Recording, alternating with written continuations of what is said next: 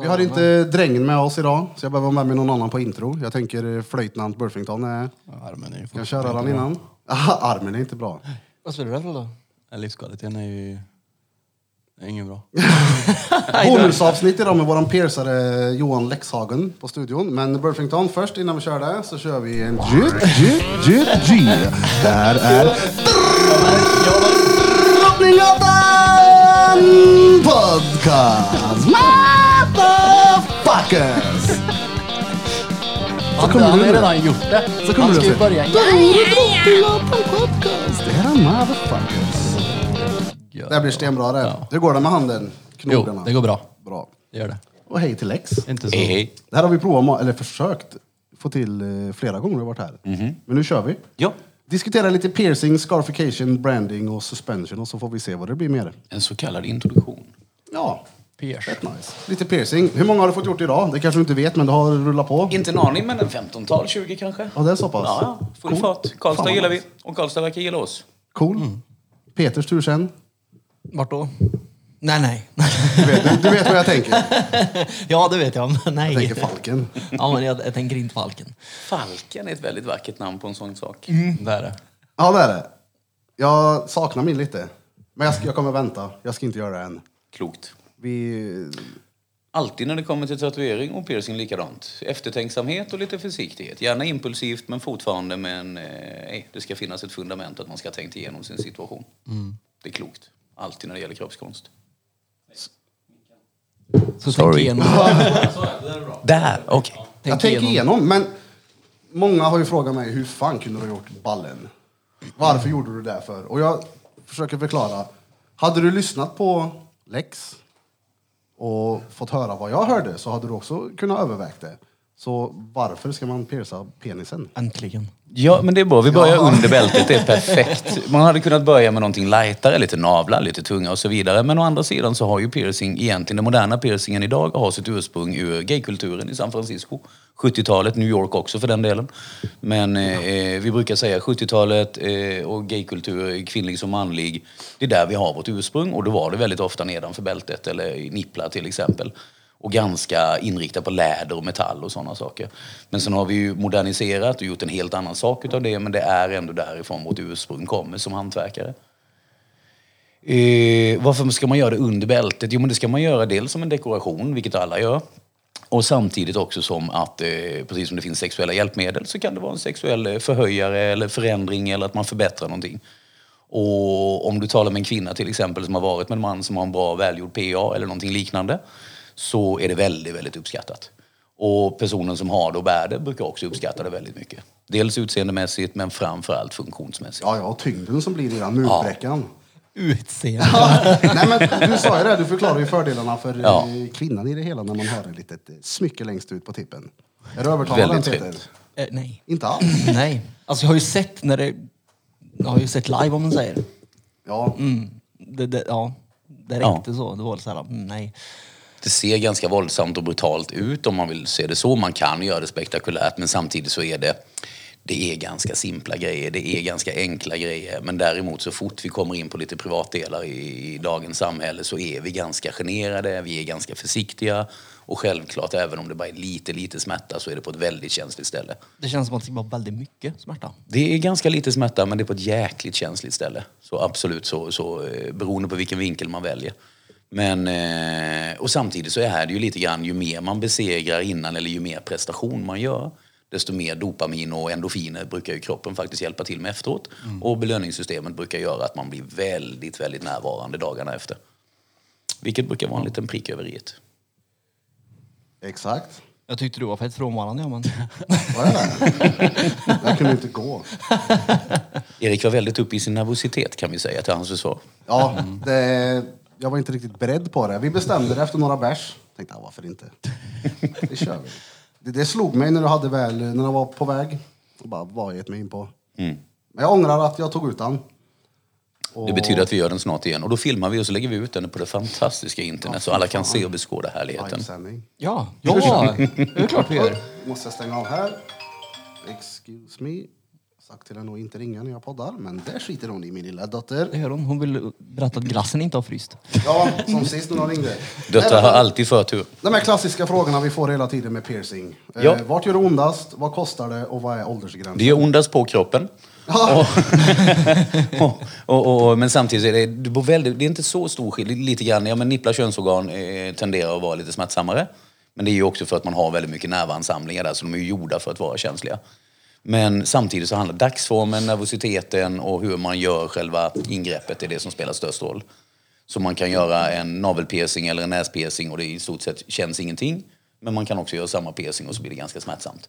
Så utövaren är viktigt och eh, personen, eller piercing som man säger på engelska, så är dagsform är väldigt avgörande. Så hur förbereder man sig bäst? Vila ordentligt eller sova ordentligt, alltid trevligt. Eller att känna sig utvilad kanske man ska säga.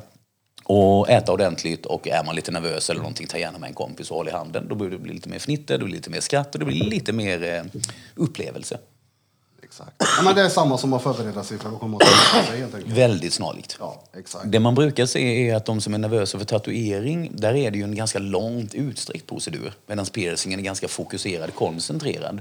Så man har lite olika, de som är nervösa för sjukvård, sprutor, tandläkare, de brukar visa ganska mycket nervositet när man piercar. Medan de som inte bryr sig om sånt, de är ganska lugna faktiskt. Och sen är det, de flesta säger aj, men jag brukar skratta och säga, men säger jag baklänges så bjuder vi på den liksom. Och, och, och, eh, eh, det, är, det är lika mycket skratt som det är smärta så att säga. Så det, det, det är en ganska rolig upplevelse. Det är en ganska liten upplevelse, men den är samtidigt spännande. Och bestående. Väldigt bestående faktiskt. Och väldigt flexibel för man kan ju växa vidare i sina töjningar eller smycken eller olika kreationer. Och det finns ju idag en uppsjö med olika smycken och smyckestillverkare och väldigt fina och både dyra och billiga, olika kvaliteter och så vidare. Så man kan, eh, man kan växa vidare. Det alltså, när vi började med det här för 20-30 år sedan i Sverige på det sättet vi jobbar idag så, så, så var, det, då var det mycket attityd, det var mycket gränstöjning, det var mycket cutting edge-prylar. Medan idag har blivit en ganska normal accessoar. Likaväl som man köper klädesplagg eller handväskor eller kosmetisk tatuering eller botoxar sig lite grann så är det här ett ganska självklart val för väldigt många att komplettera sin stil med. Så de som gillar eh, mycket metall, ja, de piercar sig på ett sätt medan de som är, lite mer eh, flärd och glans och glitter piercar sig på ett annat sätt. Så att det, det har blivit en väldigt stor variation. Dels vilka piercingar de väljer och dels vilka smycken de väljer. Och, och, och någonstans så är det också Ja, men precis som det finns olika tatueringsstilar för olika sinnen så finns det också olika piercingstilar för olika ändamål, så att säga. Cool. Jag övertalad den Peter. Oj, oj, oj. Ja, det är så. Ja, Det är så. Dagens hackkyckling. Vad, vad sa vi? Sa vi åldersgräns? Eller missade jag? Åldersgräns är 18 om du kommer själv, gärna med legitimation. Och är du under 18, ta med en förälder som har med sig legitimation så löser vi det och då är det 15-årsgräns. Vad det gäller örsnibben så har vi ingen gräns alls. Cool. Och detta är i samråd med Socialstyrelsen sedan många år tillbaka. Olika branschorganisationer och så vidare. Det är en ganska lämplig. I Sverige så, eh, utomlands har man ofta 16-årsgräns till exempel. Men i Sverige och Skandinavien så har vi ju det vi kallar byxmyndighet. Och då har branschen valt att hålla sig till ungefär samma och även där i samråd med Socialstyrelsen. Det är bra. Men du har inte så många piercingar själv. Jag, kan, jag misstänker att du har säkert haft en jävla massa, men du har inga R som man brukar få från piercingar i ögonbryn och... Ja, jag har några stycken, men eh, numera är jag så gammal så jag buskar ögonbryn så Jaha, de det är syns inte. Nej, men de syns om man tittar och eh, herregud, jag har haft så mycket piercing att jag inte ens kan räkna det. Men eh, det jag har nu är ganska mycket millimeter, men de är också ganska privata. Och eh, jag har blivit lite äldre så jag har inte så mycket att bevisa och gillar som sagt väldigt mycket av det vi idag kallar för tribalism eller tribes och och väldigt mycket handgjorda smycken, skulpterade eller kanske gjorda av någon speciell designer eller någonting sånt. Så jag är väldigt nördig i det. Eh, vilket är trevligt och precis som man håller på med pluggar och tunnlar eller tjocka ringar eller så finns det olika konstnärer som faktiskt gör och tillverkar och designar smycken och sådana saker. Och är man lite insyltad eller lite innördad i det så finns det ganska mycket att välja på. Men ganska mycket millimeter Ja, i öra menar du? we all got a little gauge queen inside, eh? och, och, och det betyder egentligen att ja, men stöjda smycken, till exempel så, eh, ja men vi kan prata öppet och ogenerat. Jag har en PA som är en 5-6 millimeter. Eh, kanske har en Afada som är en vad hade du? 7-8 Det är millimeter. Prins Albert. Jo, det vet jag, men vad hade du för millimeter? Oj, vad hade jag? Så vi satte en jävla tjock. 3-2 på det här för mig. Ja. Så, så vi började ganska tjockt och ganska rejält och det är för att det är snälla, runda, mjuka former. Alltid trevligt i sådana kroppsdelar. Och, och, Den är ju inte jättestor, men det är väl ganska stort för att vara ja, det är rejält är det. För att göra första liksom. Absolut. Jag tyckte ju din var stor. Tänk dig dubbelt då. Ja, vi, pratar, vi, vi pratar nu om piercingen så alla vet. Ja, men det ska ju vara en eh, presentabel en. Det ska ju vara den här ding, ding, ding man kan skåla med. Den är gjord för att användas och då vill man ha snälla, runda, mjuka former som, som tål ordentlig belastning. Eh, Annars så blir det ganska motsatt effekt. Eller så blir det de här, har man väldigt tunna smycken, till exempel om man har tunna smycken i öronen bara, så blir ju det en skärande egenskap och då blir det att man sliter ut eller hålen stretchar och, och det blir lite konstigt. Så man vill alltid ha snälla, runda, mjuka former. Eh, Hur, vänta, eh, hur, tö- hur töjer man? Ja, alltså, jag- alltså hur, töjer? Där? Ja, töjning är, ja, det är precis som i öronen. Det vanligaste är väl kanske att man töjer öron, men väldigt många töjer nipplar till exempel, eller genitalier och sådana saker. Det finns vissa kroppsdelar som inte är så smarta att töja. Men samtidigt så är det väldigt vanligt att man vill ju ha snälla, runda och lite tyngd i till exempel. Och man vill att det, och, och, och, eh, man vill att det ska kännas bekvämt. Och en rund, skön, mjuk kudde är mycket trevligare än att sätta sig på en planka. Och så är det ju naturligtvis med smycken med. Snälla, runda, mjuka former är ett motto. Och stora uppenbarligen. Ja, storleken är ju den är lite subjektiv. Eh, eh, men man vill ju ha lite rejäla grejer, absolut. Aj! Det är ju mer en funktionspiercing, även om det är estetiskt tilltalande också för många och vissa, eh, så är det fortfarande en funktionsinriktad piercing. Medan en eh, pärla på kinden till exempel som du har, den är ju mer renodlat estetisk. Den har ingen funktion mer än utseendet. Eh, nipplar till exempel, där är det lite både och. Väldigt många gör ju mycket saker och töjer sina nipplar eller hänger saker och man experimenterar mycket. Medan en del bara sätter en liten pärla och dekorerar Men sig. alltså, Jag får töj. töja nippeln. Hur mycket kan man töja en nippel, tänker jag? Den största jag har sett var 12 millimeter tjock. Och Men alltså, hur att- såg ja, nippeln ut? Det är mitt öra det. Det är Demolerad fullständigt. Men hur... Vadå, så han satt utåt liksom som en väldigt, typ? eh, Ja, ungefär så. Då, jag, tror, jag är inte riktigt säker nu, men jag tror inspirationen kom från någon gammal eh, stambild där man hade sett någon som hade någon, någon, eh, jag kommer faktiskt inte ihåg vilken världsdel det var, men det var en, töjning och då har man kopierat det och gjort liknande saker.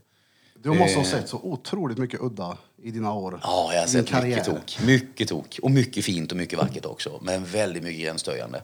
Jo, det. Ja, jag har jobbat i 26 år nu och eh, innan hade jag väl några års intresse också, men som proffs har jag jobbat i 26 år. Och eh, skulle väl kanske säga att jag har sett och gjort det mesta i sammanhanget. Och en del saker är så att man kan inte ens berätta det officiellt för det blir för oförskämt alltså. Ja. Det det. Men det är en härlig bransch och det är ett fantastiskt jobb. Men vi är inte så många som jobbar med det tyvärr och därför så gäller det att vi för traditionen vidare, utbildar folk, eh, bygger mer och mer studios, reser mer och mer och sprider hantverket egentligen. Och konstformen också. Eh, man kanske inte säger att om man jämför med tatuering, det är en väldigt tydlig konstform. Medan eh, inom bodypiercing-världen så är det också och förblir en konstform men den är lite otydligare. Det handlar mer om estetik eller kanske en designkänsla, kanske att bygga upp en stil eller en karaktär eller en profil och så vidare. Så där kan man ha ganska mycket eh, olika aspekter. Men, men, blir det subkulturer inom det här?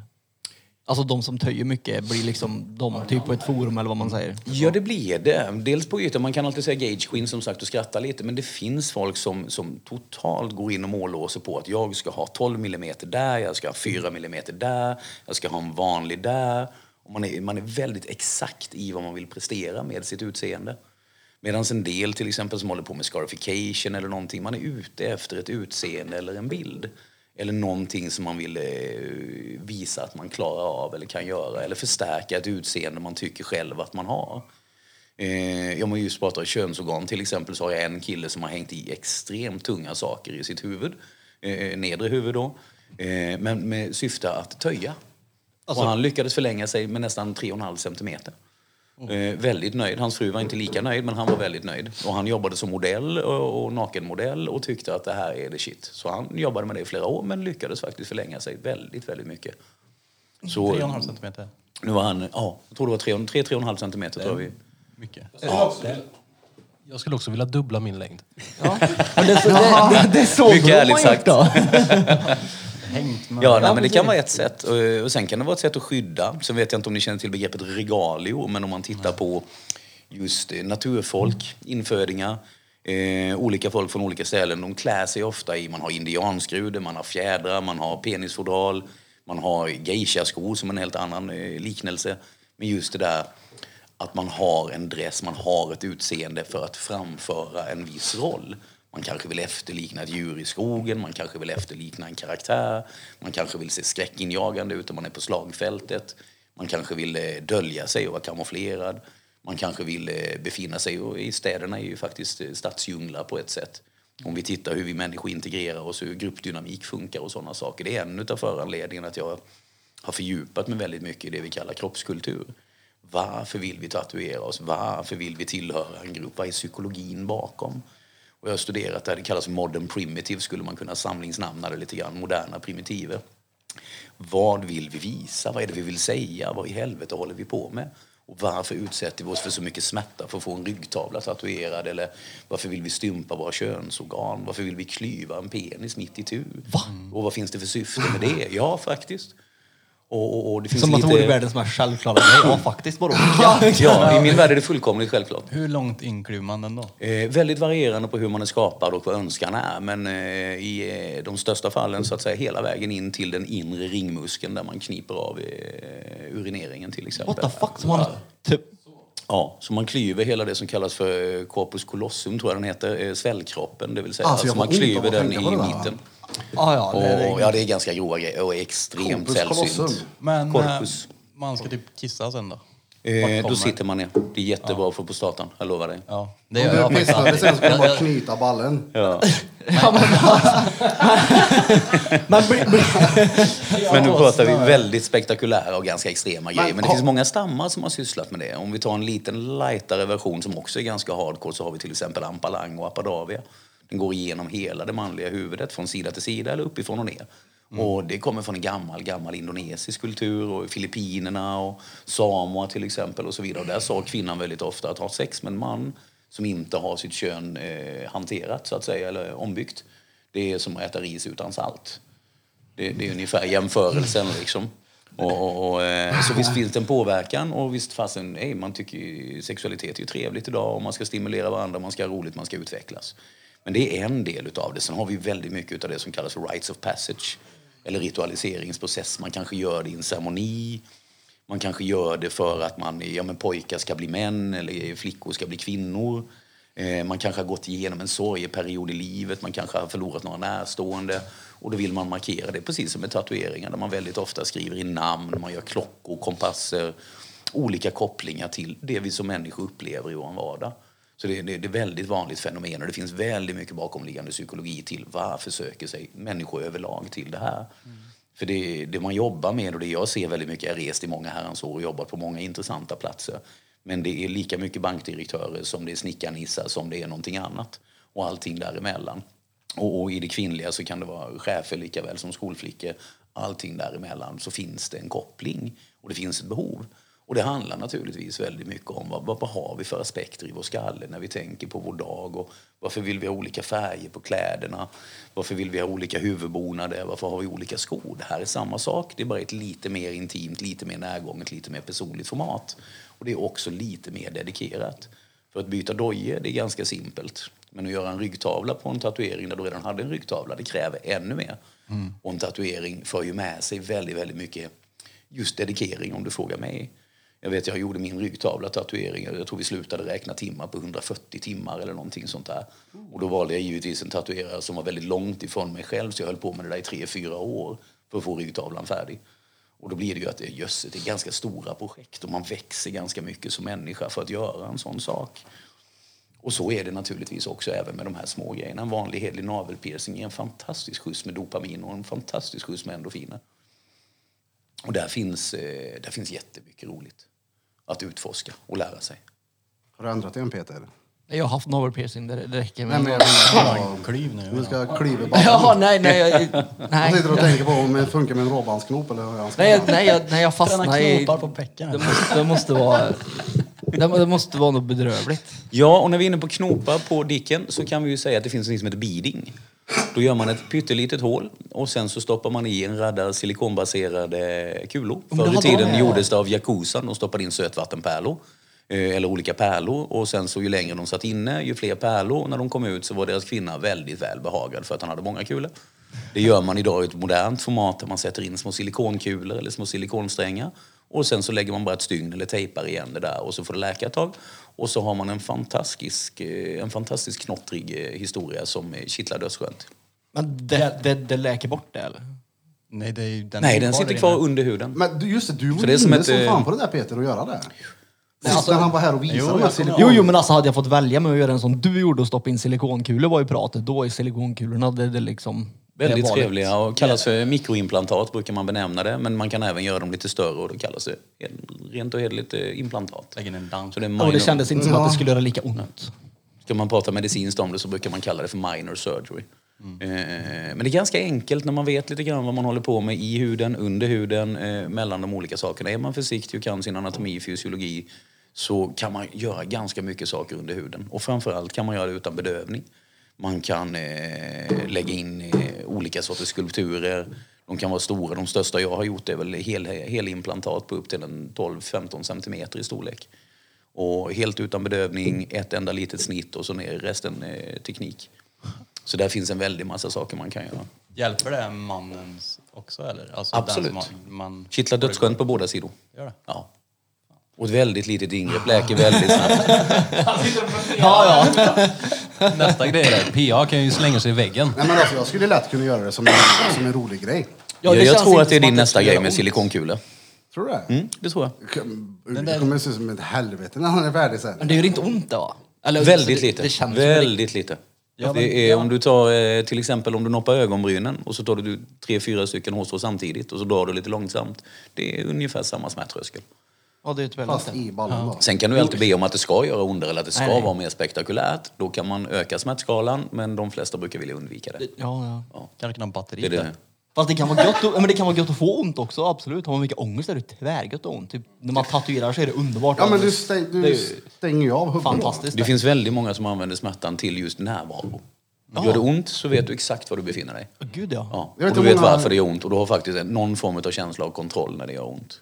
Många av mina kunder som älskar smärtan. Det är Och just jättevanligt. anledningen att det blir det här och nu. Ja, det är jättevanligt. Det är som när vi badar kallt battery pack. Det blir stänger av. Jaha du. Här och nu. Ja. Ja, Fast det är lite lindrigare version på, på, på saker och ting är det ju. Det, är inte- Det beror jag på tänker- vem du frågar. Ja, jo. Men- Ja fast jag tror det är lättare då att bara skicka in en piercing i ballen än att stå i fyragradigt vatten klockan 12 på en onsdagkväll i december. Och det är sant. Nu ska vi ju tillägga att vi pratar just nu om väldigt extrema ingrepp och väldig djupdykning.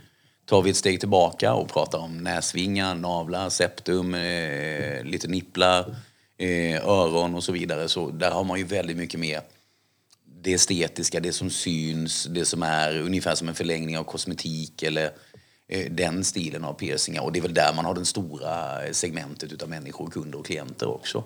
Ja, Eh, den och precis som allting annat, det finns en del som tycker om att idrotta lite grann men det är inte alla som springer en maraton. Och det är ungefär samma skillnad i i det här sammanhanget.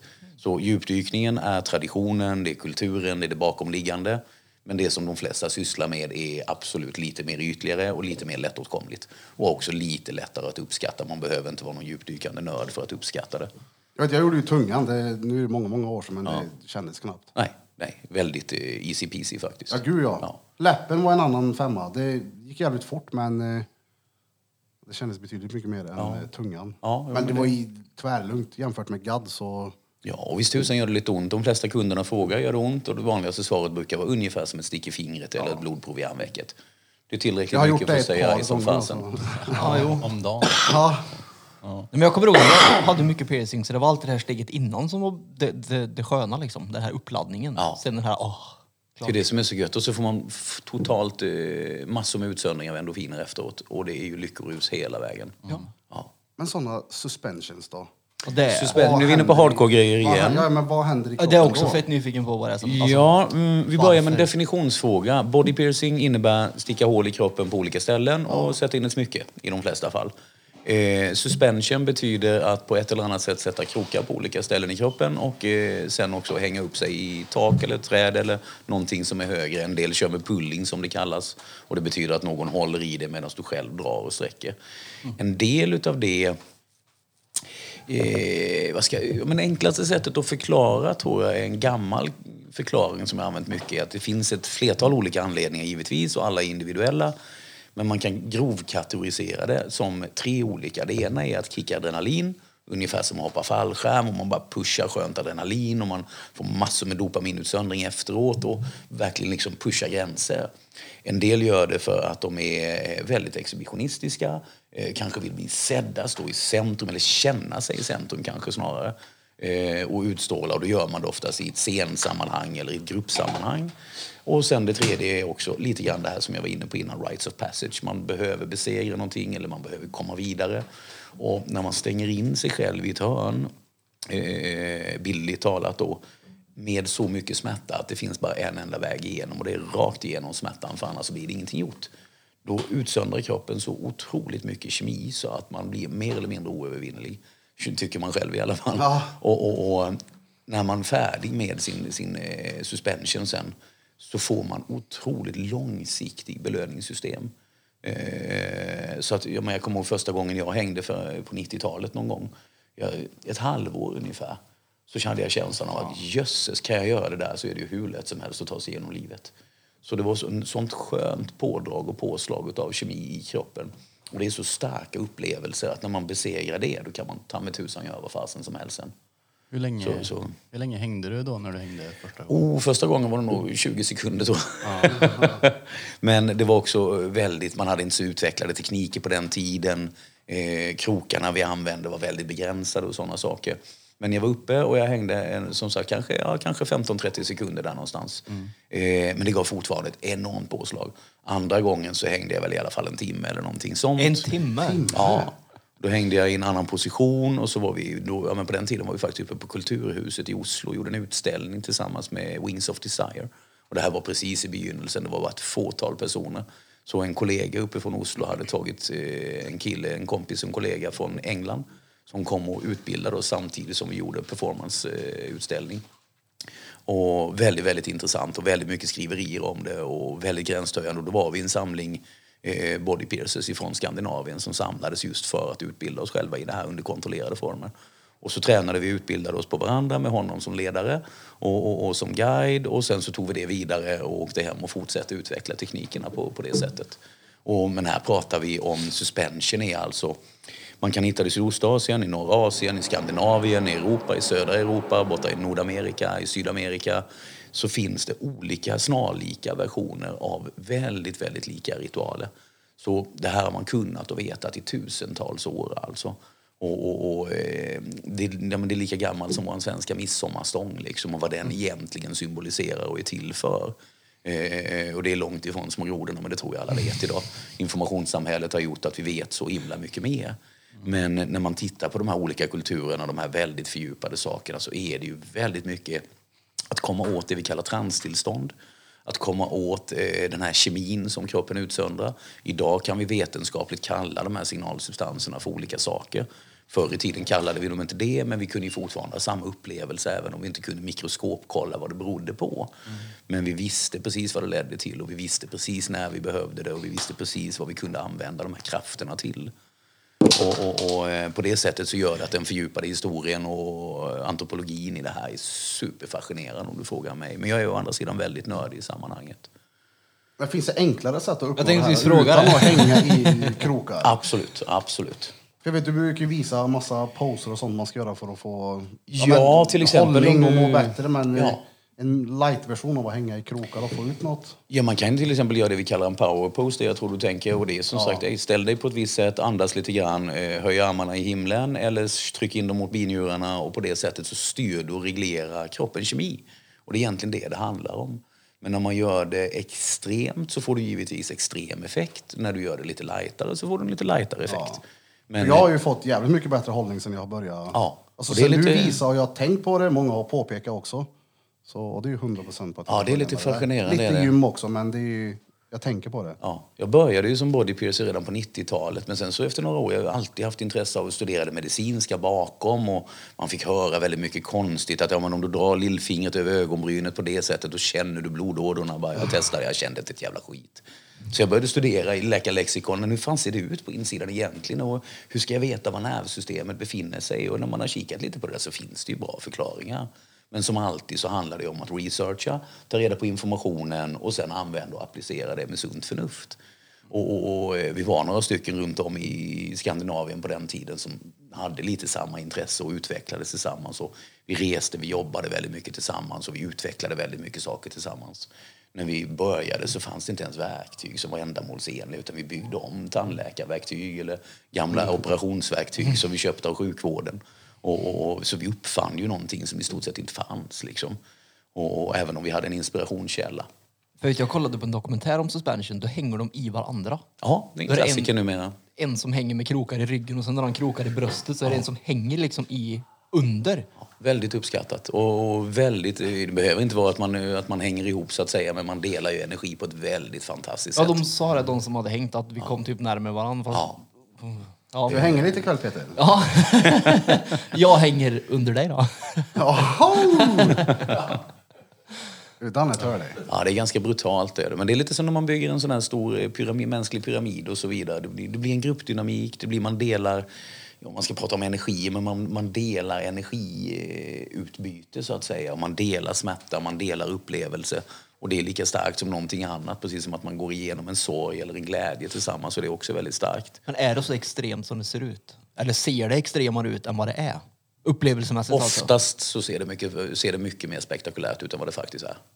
Och det är lite av förtjusningen. jag blir ju nyfiken på det. Jo, men det är ju som en köttkrok liksom som man Ja, hakar men i. jag tänker att Absolut. kan det inte brista liksom? Alltså, Det förekommer eh, och där är det så, givetvis man ska vara seriös utövare, man ska ha koll på sin kost, man får göra en test. Eh, om du belastar så fick jag lära mig från början att Sin 80-85 kilo, ja det gör en väldig skillnad på hur dina hudceller funkar och hur din kvalitet i huden beter sig. Eh, enormt stor skillnad. Dels ditt levesätt och dels din kost och, och dels också din cellulära sammansättning. Men eh, vad skulle jag säga? Jo, jag fick lära mig från början att en punkt med en 30 millimeter emellan ungefär, där du har lite rejäl hud, den klarar en 80-85 kilo. Och det här har vi testat och det stämmer faktiskt. Men då är man ju, ja, men då är man ju väldigt i riskzonen. Så när man säkerhetsräknar idag så brukar man prata en 20-25 kilo på en punkt ungefär. Och så fördelar man ut det med kroppsvikten och lite beroende på vilken position. Man kan ju hänga i 10-15-tal olika positioner när man hänger suspension. Och väldigt olika vad personen vill, för det är estetik inblandat. Men det är också lite grann vilken smärtnivå vill du ta det till. Och en del vill till exempel vara i väldigt statiskt tillstånd, vilket är väldigt svårt i sig. Om man tittar på de som håller på med bondage eller shibari eller någonting sånt till exempel. Och då handlar det statiska tillståndet jättesvårt, bara det. Det kan ni ju tänka på alla här som dampar och ADHD och inklusive mig själv. Att jag har jättesvårt för att vara helt stilla fixerat. Om du samtidigt är utsatt för stora mängder smärta. Det är, en, det är en tröskel som gör att tar man sig över den så man växer som människa på ett enormt sätt alltså. Väldigt fascinerande.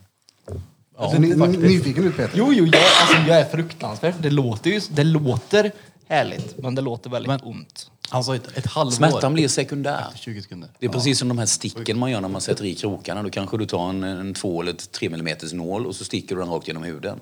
Men det tänker man inte ens på. Och det är ändå bara halva tjockleken mot en vanlig piercing och det brukar man tycka gör lite småont. Och helt plötsligt så blir det så sekundärt för att man vet ju att man sen ska bli upphängd i Ja, krokar och då kommer den riktiga smärtan. Och, och, och, så att kroppen löser det där på ett väldigt intressant sätt. Men det känns som att huden ska släppa. Alltså, i, Ja, man brukar få ett väldigt roligt fenomen man brukar kalla att man får snö under huden efteråt.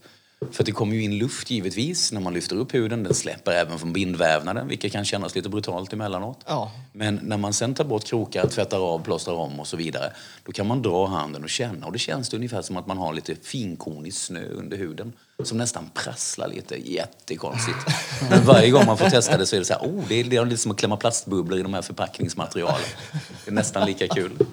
Som en, som en sån här old school saccosäck. Ungefär så faktiskt. Väldigt bra beskrivning. Fan.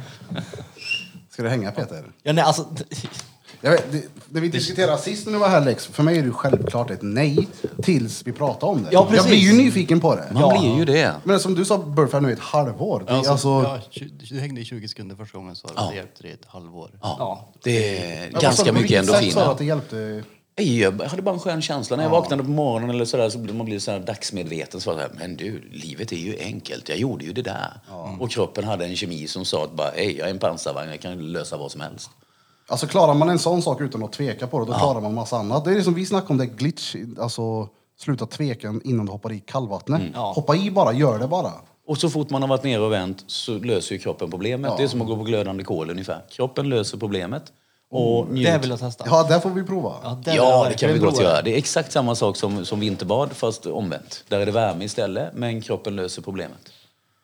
Fy fan. Det är därför man, Ja, ja. Det tror jag är fränt. då tycker jag vi gör det någon gång. Ja. Ja, aldrig gjort någon i Sverige. Det är coolt. Lätt. Vi Vi gör det. den hemma i Bloms vardagsrum. Köper engångsgrillar och lägger ut. Kolbett på Härolden. Ja, men jag undrar om ni inte har en gammal Karlstad- Karlstad-legend, en kille som heter Patrik Buddha en gång i tiden. Han var tidigt ut på 90-talet i bodypiercing-världen. Med görstora töjningar i Ja, väldigt. Ja, han var ett stort ansikte och Karlstads eh, face utåt så att säga. Men han var, jag undrar om inte han var i Indonesien, jag kan ha lite fel på platsen där, men där gick han på glödande kol. Och sen gjorde han, jag tror att de gjorde ett set här i Sverige sen, men det är fortfarande ganska rejält ovanligt alltså. Men det är en häftig grej. Och Buddha är fortfarande, ja, han är fortfarande, finns med i matchen. Han piercar inte längre, det är många, många år sedan han la av. Men han lever fortfarande och han är fortfarande ett stort namn i, i branschen. Cool. Men eh, tillbaka till eh, piercingar och sånt där. En fråga jag ofta får. Vad är skillnaden på att pierca, vanligt som du gör, och med pistol? Oh, det är en högst relevant fråga. Eh, Det ena handlar om smittspridning naturligtvis. För att de där pistolerna går inte att göra rent, man kan inte tvätta ordentligt. Sen har man ju väldigt mycket så är det ju en materialfråga. Nu har de blivit väldigt mycket bättre de senaste åren men det finns olika märken där också. Och det är ju kvaliteten på smycket. Vad det gäller metallen eller plasten och så vidare. Men det största problemet tycker jag är krossskadan man gör när man tvingar igenom det där föremålet med snabb fart och hög hastighet. Och, och, och mycket kraft. Då får man ju en krossskada istället för en skärsnittyta. Och, och, och, och sen sätter man dit ett smycke som kanske då har tveksam kvalitet. Men framförallt så sitter det väldigt tajt så man kan inte göra rent det. Går inte att komma åt. Det sitter direkt emot och trycker. Inget svullnadsutrymme. Och generellt sett ganska bristfälliga material. Och då har man gjort ett ganska korrekt hål men med väldigt dåliga förutsättningar för läkning. Och att kunna läka det är ju mer än halva jobbet i piercingvärlden. För att eh, det finns någonting som heter piercing och det finns någonting som heter semipermanent. I semipermanenta grejer, det kanske man gör någon cool grej för ett fotomontage eller för en kul helg eller något specifikt. Medan man samtidigt som kund och konsument vill betala för någonting, då vill man att det ska vara permanent. Och då är det väldigt viktigt att man som utövare talar om vilka förutsättningar som gäller för just det. Så det här med eh, no guns, eh, förutom att man ska ha fred på jorden så är det väldigt giltigt i piercingvärlden. Använd inte piercingpistoler för att det skapar ganska dåliga förutsättningar. Men sen kan man naturligtvis lyckas med det också, men begränsningen är väldigt stor. Och det är därför piercingvärlden nästan alltid har varit väldigt motståndare till det här. Ja. Jag vet, exet och dottern eh, gjorde ju öra med en sån eh, pistol. Ja, just. Och jag sa, vänta tills Lex kommer. De gjorde med den där pistolen ändå. Det, jag vet inte hur lång tid det tog innan det läkte. Ja, det funkade ju knappt Alltså det var alls, va? säkert ett halvår. Ja, så fick vi göra om det i alla fall. Så. Ja. Ja. Men det är också, man ska komma ihåg varför de här pistolerna faktiskt kom till en gång i tiden. Och nu snackar vi tillbaka på 50-talet. Man öronmärkte kreatur. Och så var det någon som kom på, ah, det här kan man göra här också. Och så gjorde man det och så blev det en utveckling. Så någonstans under 70-talet så dök den första öronpiercingpistolen upp. Men, men, vad Så- många är det så- som så. ångrar sig? Alltså som kommer in och så tror de att de har bestämt sig och sen så nej, jag törs inte. Är det inte, vanligt? Inte så vanligt, nej. Det förekommer trodde det naturligtvis, vanligt, men det är inte så vanligt, nej. Jag tänkte först du menade att ångra själva piercingen. Nej, nej, alltså Ja, ångra bort då. Väldigt många som kommer in är nervösa men väldigt få ångrar sig idag faktiskt. Man har bestämt sig och man känner sig väl bemött och omhändertagen i en studio så då blir det nästan alltid att man genomför. Jag tänkte precis säga det, att Lex är ju väldigt duktig på tack, att få, få dem att bli bekväma liksom. Ja, ja. Det hör man ju liksom. Du är väldigt duktig på det där. Det är en stor del. Det kallas för bedside manner. Så tidigare hade man det i sjukvårdsutbildningar. Nu har jag hört att man har tagit bort det tyvärr. Men det är precis som på sjukvården, man måste ha sina bedside manners på plats. Man måste behandla folk med respekt. De är nervösa, eh, de är uppspelta, de har inte en jävla aning vad man säger. På samma sätt som att man har skrift, tillgång till skriftliga skötselråd som man kan läsa i lugn och ro när man inte är nervös. För det som händer här när man gör själva piercingen det är ju upplevelsen och några korn av sanning får man ta med sig. Men det mesta ska man läsa i lugn och ro medan man lär sig och växer in i hur det är att hantera, att ta hand om en body piercing. Ja, Tänk att komma till någon som är dryg. Alltså förstår du? Någon som är så här nonchalant. Ja, precis. Det hade varit så här. Ja, Nej, men han, är alltså, det du kan ju din grej verkligen, 100 procent. Ja, det få måste man personer göra. på den här planeten som skulle kunna övertala, eller inte ens övertala mig, men få mig till att pierca det är mycket trevligt att prins höra. För Albert. det, ja, Samma det sak med den bekräftar. här, det hänga i krokarna, det är så här big no-no, men Peter, gör du det så gör vi Ja, det. det låter verkligen så här. Alltså jag skulle kunna... Fan, varför säger jag det här för? Överväga det, kan jag säga. Om inte annat så för poddens skull kan vi gott göra det. Ja, här! Du får häng, häng bredvid Ulf. Eller hur? Häng bredvid Ulf. Som alla som tycker att vi ska i framtiden genomföra någon form av suspension här med Grabbarna Grus, eh, skriv in till podden och önska för fasen. Nej. Men, men vad händer om det skulle vara så att man, att man bestämmer sig för det här säger vi och, och så får man panik? Då får man det, då får man respektera det och hantera det. Jo men alltså när man hänger. Häng med Då löser kroppen det. Eller jag. Ja. Alltså, Man kan Vilka- ibland eh, ta ner folk ifrån riggen för att man får inte höja gränserna för mycket. Men man kan också, ofta har man ju ett församtal där man går igenom var vill du att det ska dra gränsen. För ibland tappar personen som hänger kontrollen. Och då är det väldigt viktigt att den som utövar går in och tar över kontrollen och styr. Och vill man då bli driven över gränsen så kan man faktiskt göra det. Och vill man att man ska dra i handbromsen så är det mitt ansvar att faktiskt göra det. Sen måste man hålla koll på blodcirkulation, man måste hålla koll på andning, man måste hålla koll på olika, ja men så att det inte sker någonting eh, konstigt så att säga, eller någonting oförutsett. Där måste man vara väldigt, väldigt försiktig för det är som sagt extrema uttag vi pratar om. Händer det att folk tappar medvetandet eller svimmar när de hänger där? Det förekommer. Det? Men det, är liksom, det, här är, det här är liksom... Svimmar är lite fel ord, men just att man tappar kontrollen eller tappar medvetande och går över lite i transtillstånd och liknande saker. Eh, det förekommer. Eh, svimmar blackoutar, då brukar man ha lite koll och komma ner på marken redan innan så att säga. men hur... Men absolut, det förekommer. Om man nu svimmar och sen vaknar hängandes, hur fan... Inte att rekommendera, men då vill man ha proffsigt folk runt omkring sig. Man vill känna sig väl omhändertagen. Man kanske vill ha en filt eller en kollega, partner eller någonting som närmar sig. otrolig chock det skulle bli. Bara känna... Det är Väldigt. bara av att vakna från en svimning. Ja, ja, men då, det, det, det, det. Och sen så bara hänger den där. Men Peter, skulle du hängt med Drottninggatan? Nej, alltså, jag hade övervägt, hade jag gjort. Jag, ska, jag kommer ju hem och läsa mer. Jag såg ju mycket så här, äh, klipp och skit in och in och läste lite. Men inte just bara om suspension, även om det här när man, vad heter det, töjer. Nej, inte töjer, vad heter det? Det har vi pratat om förut, nu sätter in silikongrejer. Ja, just det. Ja, det kollar jag Ja. på. Men Bira, du kan, vi kan ju hänga dig här. Nej, men det går ju inte. så har vi en mick upp här bara. Det går, det går avsnitt när du faktiskt om vi hänger. får för oss, men det finns bättre ställen. Jag har varit med och byggt det här taket, jag litar inte ett skit på det. Jag hänger inte där, men det går ju så här. Nej, men nej. Ja, Det är ju närmare att hänga än att, för en PA i alla fall. Är det så? Ja, nej, då har vi två, tre intressenter. Det skulle vi kunna göra en liten trevlig kväll på. Jag, Men jag tänker hur- Jag tänker bara på måendet. Hur ser ryggen ut efteråt sen med... I stort sett ingenting. Om du skulle ha en tatuering till exempel, då ger man fasen i och man persar inte genom linjerna. Men genom skugga, genom färgfält och sådana saker. Det blir bara en liten blipp. Okej. Det har töjts ut två tuttar på ryggen. Permanenta bröst. Kan förekomma, men det är inte så vanligt. Så det är en 12 mm töjning om nipplarna. Men finns det någonstans här i studion det skulle vara möjligt att hänga? Det skulle möjligen vara i trapphuset eller i foajén. Där är väldigt högt i tak, det finns balkar där uppe och det finns utrymme att Det är ju ett fritt. innertak där då, så vi får ju ta oss förbi innertaket så vi inte hänger i de Jag har redan tjuvkikat så det går bara i balkarna. Ja. Annars så finns det alltid utomhus. Eller så kan man anordna en restaurang eller en scen eller en eh, lämplig lokal för ändamålet. Jesus. Åh, det är väldigt intressant, det är väldigt roligt. Kom så nu kan vi någonting om piercing, vi kan någonting om eh, suspension. Eh, scarification, också en av de här extremare utloppen, ungefär som tatuering fast man gör det med skalpell. Eh, kallar man det för ink rubbing så jobbar man ju i lite bläck, det är en eh, sentida version. Eh, men man kan också bara göra renodlad scarification, då gör man en, tar man en skalpell och så skär man in ett motiv och så hjälper man ärrvävnaden att läka och bli så mycket keloidbildning som möjligt om man vill ha det. Annars så blir det bara platta här, de kan bli lite bruntonade, lite lila tonade eller lite vita. Ja, för du sa, vi diskuterade det här förut, det fanns ju två olika sätt. Antingen med tandbörsten där eller med Ja, det vaselinet. old school-läkning är. Då Tandborste. skrubbade man sårbanorna i ett par veckor efteråt med en tandborste och grovsalt. Mm. Inte så skönt, inte så lämpligt, väldigt hardcore och processen väldigt stark. Eh, för många, många år sedan så kom man fram till att det är mycket lättare att kopiera lite grann från tatuerandet. Man tar en vaselinyta med en ganska tjockt lager vaselin som i sin tur hermetiskt tillsluter så det blir lite bakterietåligt. Och sen så har man gladpack över men det gör att sårytorna hålls öppna och då betyder det att man lockar fram mycket T-celler och därmed keloidbildning. Och väldigt många som gör scarification vill ha en eh, mer eller mindre utav keloidbildningen för det är ju det som är själva jobbet. Men sen kan man även ha platta scars och det beror lite grann på var på kroppen man skär, hur djupt man skär och lite grann vilken pigmentering man har som, som, som människa. Det känns som att branding är värre. Branding är mer spektakulärt, det verkar se mer spektakulärt ut. Det är ju väldigt mycket, eh, vad ska man säga, psst, det bränner, Det är mer distinkt, det är lite mer högljutt tycker jag i alla fall. Eh, ja men det är lite, lite annorlunda så, det luktar ganska mycket.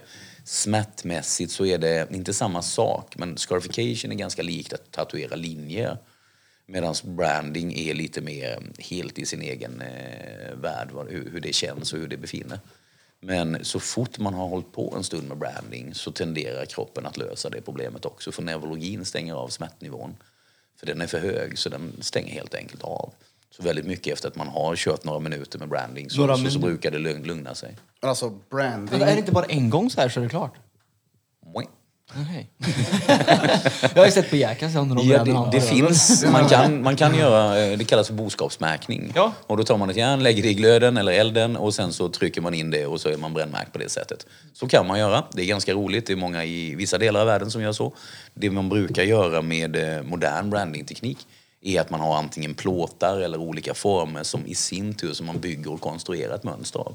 Så det blir precis som att ta en penna och rita ett mönster, men här gör man det med glödande plåtar istället. Vi Till diskuterade ju exempel. det, att ha en sån Drottninggatan branding-logga. Jag tänkte det, varför inte? Vi kan ju bara ha en sån här, så kan vi bara bränna lite lyssnare då och då. Men det känns ju som att just branding, du kan fucka upp en person totales om du Ja, gör men då kan vi ta just den tekniken. Det här när man tar ett brännjärn och så värmer man det. Eh, En gammal kollega, gammal historia, så jag tror det är lite preskriberat nu, men det var en ganska otrevlig historia. Han hade i alla fall haft någon laserfräsarkille som hade bränt ut en sån där fransk lilja, tror jag det var. Eh, och han värmde upp den väldigt fint och så var det hans första branding om jag förstod det rätt. Och satte väl in den på vaden på en kvinna och sa och i några sekunder till och där någonstans tog han bort det. Det slutade med nekrosis ända in till benet för han brände ju sönder totalt.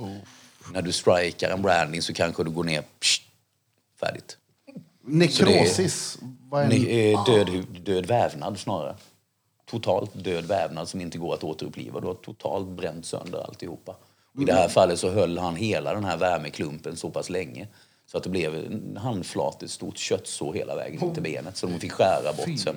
Hela Och göra- benet? Nej, inte hela benet, men hela ytan runt för det var så mycket död vävnad. Så eh, det slutade ganska illa, gjorde det. Men det var totalt eh, fel hanterat Ja, ja. hantverkaren. Men det var ett skolexempel som vi gärna använder väldigt ofta. Där, där är inte riktigt så man ska göra. Så som allting annat så måste man vara väldigt försiktig och väldigt eh, underbyggd med kunskap innan man gör det. Jag förstår ändå han, för jag trodde man skulle hålla ett tag för att det skulle sitta. Att den skulle... jag, jag trodde bara det var en sån. Ding, klart. Ja men typ en... att det var det? Ja. Ja, ja precis. Någon Ja, jag- håller du en sekund sådär så då är det ganska rejält faktiskt. Ja, okej. Sen beror det på hur hårt du trycker, var på kroppen givetvis också.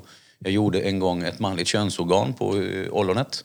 Eh, Då var vi ganska snabba och han tog det absolut kungligt och han har fortfarande kvar den och han är mycket stolt över den. Men efteråt så säger killen att ah, det där var inte så farligt. Och det var lite hardcore tyckte jag. Alltså det är helt sjukt det. Ja. På alla. Ja, visst, Ibland räcker det att man tar i för hårt i duschen så får man nog tänka, tänka... Nej. Brännmärke där. Ja, ja, nej, nej. Aj, aj, aj. Nej, men det, det handlar ju om att vi lever idag i den moderna västvärlden, i alla fall vi gör det. Och man har ju tagit gamla kulturella uttryck från olika delar av världen och så har vi gjort någon sorts modern tolkning och, och kanske i bästa fall med lite medicinska kunskaper och lite modern tänkande och så har vi gjort ett sätt att dekorera oss eller töja gränser. Och en del är bara ute efter att töja gränser, en del är bara ute efter utseende. Men väldigt ofta så är det ju lite utav varje som gör att människan faktiskt dras till det här. Eh, och sen är det ju kul att töja sina egna gränser framför allt, tycker jag. Ja, det är det bästa det. Ja men därför ska vi hänga Peter. Och sen Lex så är det väl jävligt kul att göra de här grejerna på andra Ja, det är människor. fantastiskt Ja, ja. Det är klart det är. Ja, jag skrattar mig igenom de flesta arbetsdagarna faktiskt. Jag tycker det är underbart. Fantastiskt att dela upplevelsen. Och det är fantastiskt med det mötet. Och sen så är det även kul eftersom jag har en fascination av, av medicinstekniska saker och sådana saker. Så den kombinationen är för mig omotståndlig. Och, och, men just det här att dela så mycket som händer med i en sån här smärtsituation eller i en sån här extrem situation, det är väldigt, väldigt utvecklande även för åskådarna. Som till exempel folk som är intresserade av suspension. Då säger vi väldigt ofta att ja, men nej, kom och var med och medverka en gång. Och väldigt många av de som är lite mitt emellan nöjer sig bara att medverka. Så mycket smittar energin som, liksom, som, som, som uppstår. Så, så, så det är extremt starka upplevelser. Är det. Du ser så nyfiken ut Peter. Ja, ja, jag är helt... eh, Det är roligt, det är busigt, men det är också väldigt djupgående. Ta en liten bensträckare. Hur länge har vi spelat in tror du Peter? Jag Det var inte. 35 minuter skulle jag hävda. Ja, jag skulle säga det. 40. 51 minuter. Bra jobbat. We are back. Efter en liten eh, bensträckare. Och Nico-kick. Ja, jag fick en eh, lösnus här av eh, Krille. Jag blev fan lite yr. Inte min grej. Vad heter det, Lex? Ja, Många som har töjt sina örsnibbar. ja. Som vill, eh, eller som ångrar sig. Ja, vi pratar mycket om att klyva saker. Vi pratar om att klyva könsorgan, vi pratar om töjningar, vi pratar om att klyva tunga. Det har vi inte pratat så mycket om, men det är också en sån här vanlig grej. Eller halvvanlig ska man väl kanske säga, eh, som har mycket kulturella uttryck. Men i den moderna världen så har vi väldigt många som har töjt sina öron. Och när man töjer sina öron så kan de ibland gå sönder och man fuckar upp det. Och de kan också vara att man ångrar sig efter några år. Och då dyker frågan upp, så det blir lite som Bofors borta från Karlskoga tror jag det är. Eh, de sålde en jävla massa vapen och sen sålde de en massa minröjare några år senare. Så det blir lite så och då har vi specialiserat oss och lärt oss att hur man faktiskt eh, syr ihop öron egentligen. Eh, det kan ju vara andra kroppsdelar också. Jag har gjort en del läppar, jag har gjort en del tungor, jag har gjort en del öron. Öron är det vanligaste. Eh, och det man säger då, då får man titta lite på förutsättningarna, men det handlar ju ofta om att återställa eller rekonstruera, som det heter, en öronsnibb till sitt ursprung. I bästa fall så kanske man kan pierca den igen, fast med lite mindre storlekar. Eh, eller annars bara för att åter, helt enkelt eh, ha normala snibbar igen. Det är väldigt många som töjer kanske tidigt eller man töjer väldigt hetsigt, man töjer väldigt stort. Och så tycker man att det ser ganska fult ut efteråt när man inte vill ha några smycken i längre. Och då brukar det bli, och det kallas för öronrekonstruktion. Eh, ganska enkelt ingrepp när man vet hur man gör. Eh, det finns några stycken i Skandinavien som håller på med det och väldigt, väldigt uppskattade de som behöver det faktiskt. Men då är vi helt plötsligt inne på att läka. Vi är inne på att eh, sy ihop kroppen istället för att eh, eh, Eh, inte, man ska inte säga ta sönder den i piercing-sammanhang och sådana saker, men det blir lite omvänd effekt. Eh, men det är väldigt uppskattat och det är väldigt trevligt. Vi har en här i Karlstad nu som ska göra nästa månad, tror jag det är bestämt. Och den ena sidan han hade var ett ganska trevligt ingrepp, ett ganska enkelt, men den andra sidan var helt uppfuckad. Så den får vi titta lite grann på och vi har gjort en skiss på den så vi ska testa lite grann och se vad han har för läkförmåga. För när man gör öronrekonstruktioner så är i alla fall min åsikt att det är viktigt att man har bra kvalitet på sina celler. Det är viktigt att man har ett bra läkkött och att man tar hand om det ordentligt. Annars kan det bli att ingreppet helt enkelt inte funkar. Eh, Så det tycker jag är väldigt viktigt. Men de flesta kunderna är exceptionellt nöjda efter ett sånt ingrepp faktiskt. Cool. Kanske det jag ska göra då. Ja, varför Jag vet inte om inte? du har sett mitt öra, men... Nej, det har jag faktiskt inte, men låt mig titta. Ja, det där är inga konstigheter. Det är ett vanligt hål, men det har ju gått ihop väldigt mycket. Och väldigt ofta, om man tar dig som ett exempel, då kan man se att du kan till exempel genom att göra en trippel femma, det vill säga fem minuter om dagen, fem gånger i veckan, i ungefär fem veckors tid, så gör du en liten enkel massage med tumme och pekfinger. Och då tar du en tumme bakom och pekfinger framför och kanske lite olja om du behöver, men det behövs inte. Och så gnuggar man försiktigt med lite tryck. Då stimulerar man cirkulationen och man får en hudcellsproduktion och man ökar hastigheten och då drar huden ihop sig väldigt mycket. Precis som när man har en stel muskel eller någonting, masserar man den, öppnar upp flödena i den igen så har den en tendens att bli mjuk och fin och funktionell igen. Och hudceller funkar på ett liknande sätt. Ursäkta, jag ska bara hosta. Ja, ja. Det visste inte jag. Coolt. Ska vi dra igång och börja massera nu då? Ja. Ja, det gör väldigt mycket och väldigt ofta innan man gör ett sånt ingrepp, men då beror det väldigt mycket på förutsättningarna givetvis, så kan man göra en sån för att se hur mycket man kan hjälpa till för att slippa det kirurgiska ingreppet. Eh, En del tycker ju om det kirurgiska ingreppet och vill göra det bara för att få uppleva ingreppet. Men de flesta brukar tycka om att man kan återställa kroppen på det snällaste sättet som är tänkbart. Så jag brukar oftast rekommendera en massage under en period, att man tittar att man skissar att man har en ganska lång startsträcka innan man gör själva ingreppet. Och eh, det finns plastikkirurger som gör samma ingrepp också och en del utav dem är faktiskt väldigt skickliga medan en del kanske ska ägna sig åt eh, ja, men det som de är specialiserade på. Cool. Ja, det är det faktiskt. Och det är ganska roligt att jobba med det också. Eh, och för 15 år sedan så var det väldigt ovanligt, det hände någon enstaka gång. Men för 10 år sedan så började det bli lite vanligare. Och det var nog mycket den här boomen som var i början av 2000-talet med extremt mycket töjningar. Töja ganska snabbt, man hade ganska lite kunskap om hur man skulle töja som konsument och lite sådana saker. Och, och, och, eh, men idag har vi lärt oss att ta hand om det också. Och jag kommer ihåg att jag töjde fett fort ja. Det gör ont. Ja, ja. Jag gjorde också för fort tror jag. Ja. Men sen när man väl töjer så bara säger du whoop, och så går hela den där...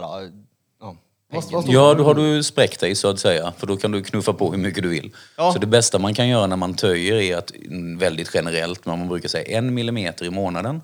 Och så gör man det och så utnyttjar man elasticiteten i huden. Ger det en månads återhämtning, lite nya hudceller kommer till. De jobbar med 28 dagars cykel brukar man säga, hudcellerna. Då får man tillbaka elasticiteten och så töjer man det igen. Håller man det utsträckt hela tiden och under press och under töjning hela tiden, då får man precis som en gravid mage eller någonting så att man får bristningar. Och tar man för mycket så att man spräcker huden, då får man ju en såryta och rippa. Och då får man ju egentligen ett regelrätt sår. Och då kan man skicka på hur mycket som helst i storlek nästan, så länge man har material. Ja. Och samtidigt får man ju ful ärrvävnad efteråt som är väldigt oelastisk och som är väldigt oönskad i en töjning till exempel. Så det bästa är att töja väldigt långsamt, väldigt målmedvetet och en liten, liten bit i taget.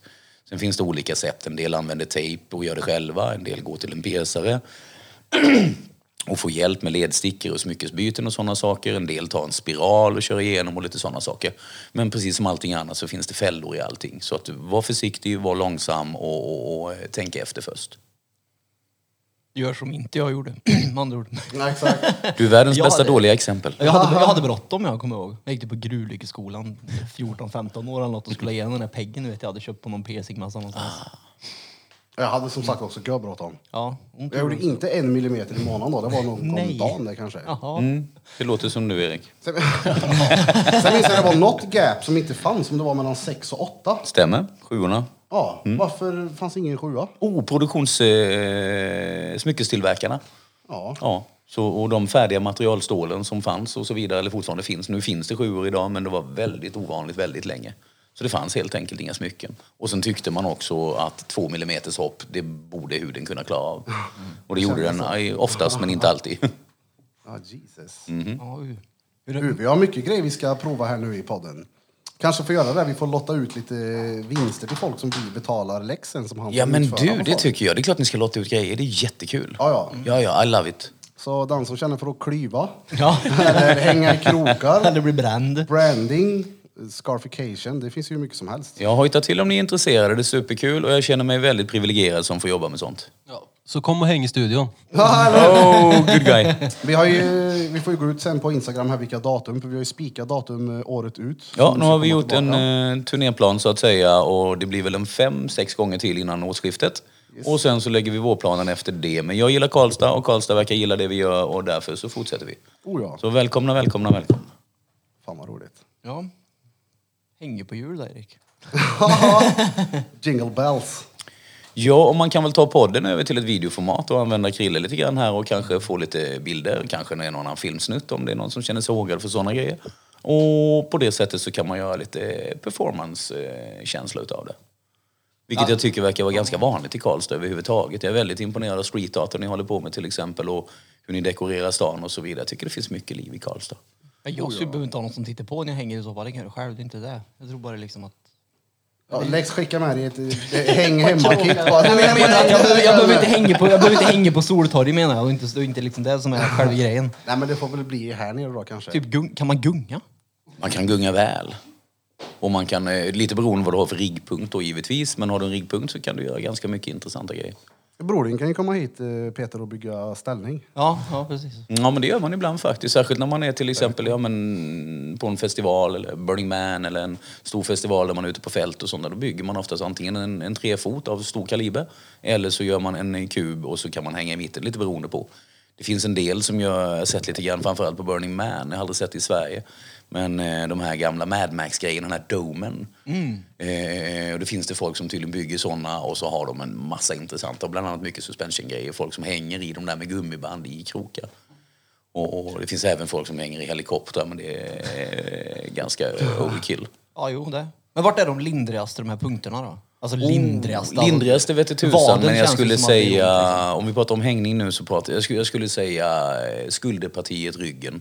Det som kallas för en suicide. Heter positionen i suspensionspråk och eh, där är man ganska tålig. Eh, samtidigt så har jag aldrig hängt i den positionen själv, men de som hänger i knäna säger att det är också väldigt otöm, oömtåligt. Men det ser förskräckligt ut. Jag är det som såg... en sittande position nästan? Eller? Ja, ja det kan det vara. Det kan det vara. Och så kan man hänga upp och ner i knäna också.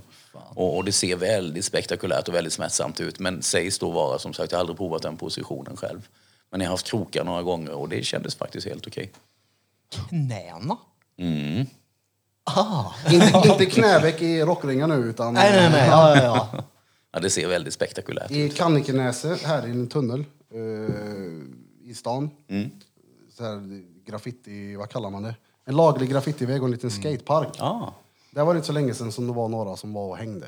okej. Och då var det någon som hängde i just knät. Ja. Ja, det var ju en så sån här sittande. Jävla obehagligt ut. En lokal performancegrupp eller?